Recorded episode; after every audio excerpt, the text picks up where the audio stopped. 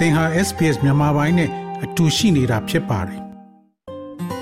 SBS မြန်မာပိုင်းကို အင်ကာနဲ့စနေနေ့ည10:00နာရီမှနားဆင်နိုင်တယ်လို့အွန်လိုင်းကနေလည်းအချိန်မီနားဆင်နိုင်ပါပြီ။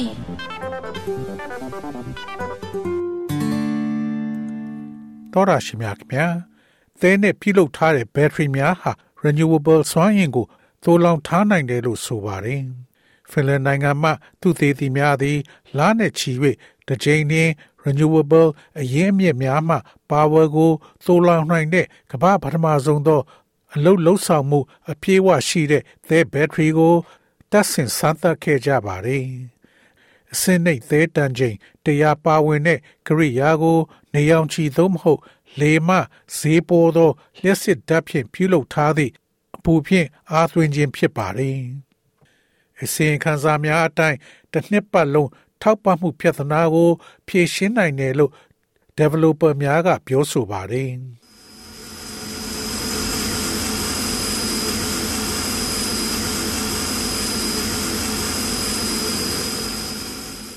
ဖင်လန်နိုင်ငံအနောက်ဘက်ရှိတမ်ပူရာတွင်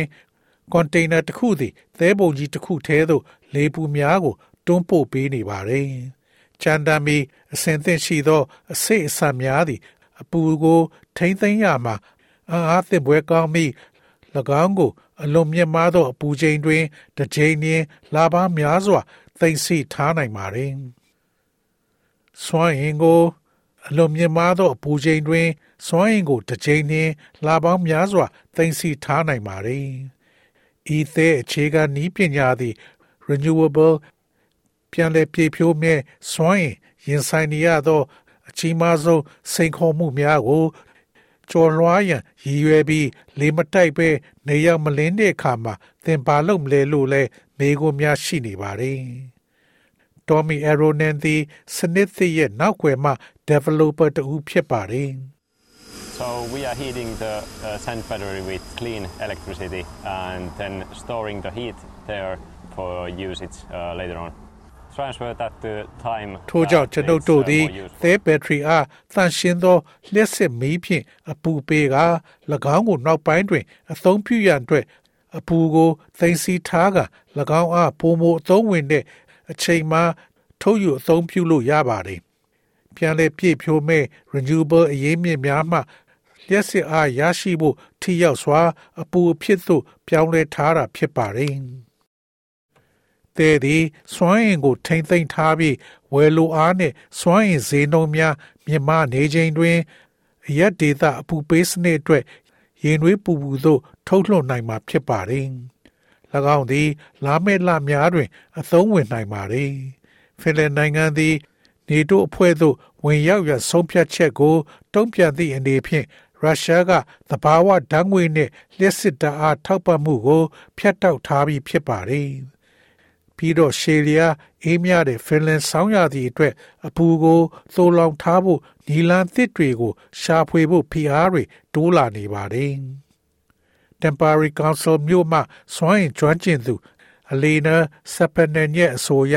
သဲဘက်ထရီအိုင်ဒီယာသည်စွမ်းအင်ကုန်ကျစရိတ်ကိုရှော့ချရအခန်းကဏ္ဍမှပါဝင်နိုင်တယ်လို့ဆိုပါတယ်။ If we have some stations that are just there for a few weeks, few hours in the wintertime when it's the coldest, it's going to be extremely expensive. If we have this sort of solutions that provide flexibility for the use and for the storage of အေးဆုံးအချိန်၌ဆောင်းရာသီမှာအသုံးပြုရ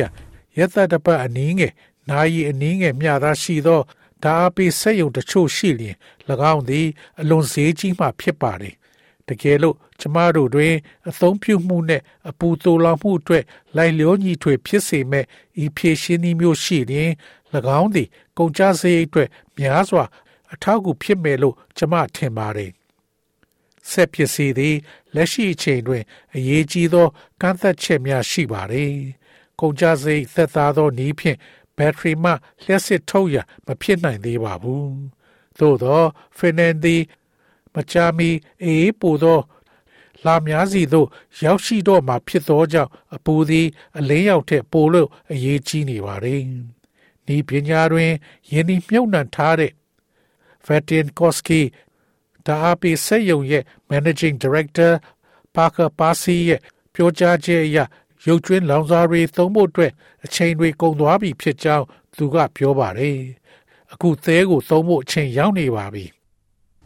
It's a bit strange, but it's it's cheap, it's easy to get, and you can get to really high temperatures, maybe 500 degrees. While in with water, you can only get to 100. So you get a lot of heat. ဒါကနည်းနည်းထူးဆန်းပါတယ်။ဒါပေမဲ့ဈေးပေါ်ပါတယ်။ရဖို့လွယ်ပါတယ်။အပူချိန်900ဒီဂရီအထိရောက်နိုင်ပါတယ်။ရေနဲ့ဆိုရင်100ဒီဂရီအထိရောက်နိုင်ပါတယ်။ဒါကြောင့်နေရာသေးသေးလေးမှာသိမ်းဆည်းထားတဲ့အပူတွေအများကြီးကိုရရှိနိုင်ပါတယ်။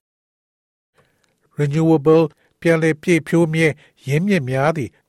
ထုတ်လုပ်သောဓာတ်အားသို့လောင်ရန်လိုအပ်မှုသည်ရောသွားမှာမဟုတ်သောကြောင့်အနာဂတ်တွင်သုံးလောင်မှုပုံမလိုအပ်လာမှာဖြစ်ပါတယ်။မစ္စတာပါစီကကဘာကြီးဟာအွန်လိုင်းမှာသဲဘက်ထရီတွေ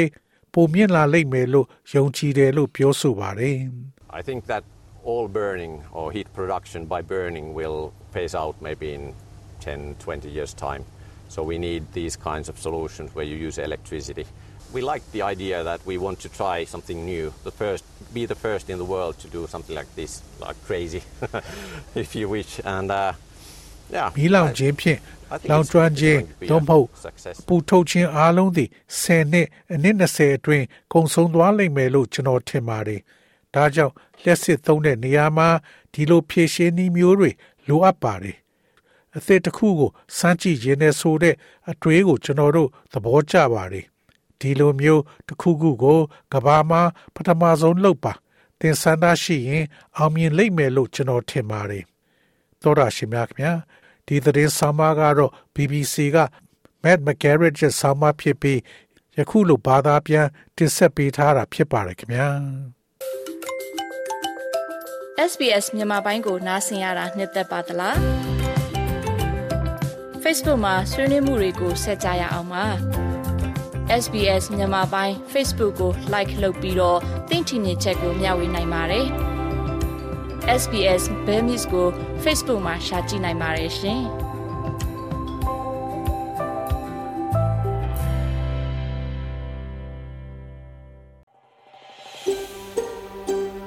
ဒါမျိုးသတင်းဆောင်မတွေကိုပိုနားဆင်လိုပါလား Apple Podcast Google Podcast Spotify တို့မှာသင်ပင်ရာဖြစ်ဖြစ်ရယူတဲ့ podcast ကနေပါ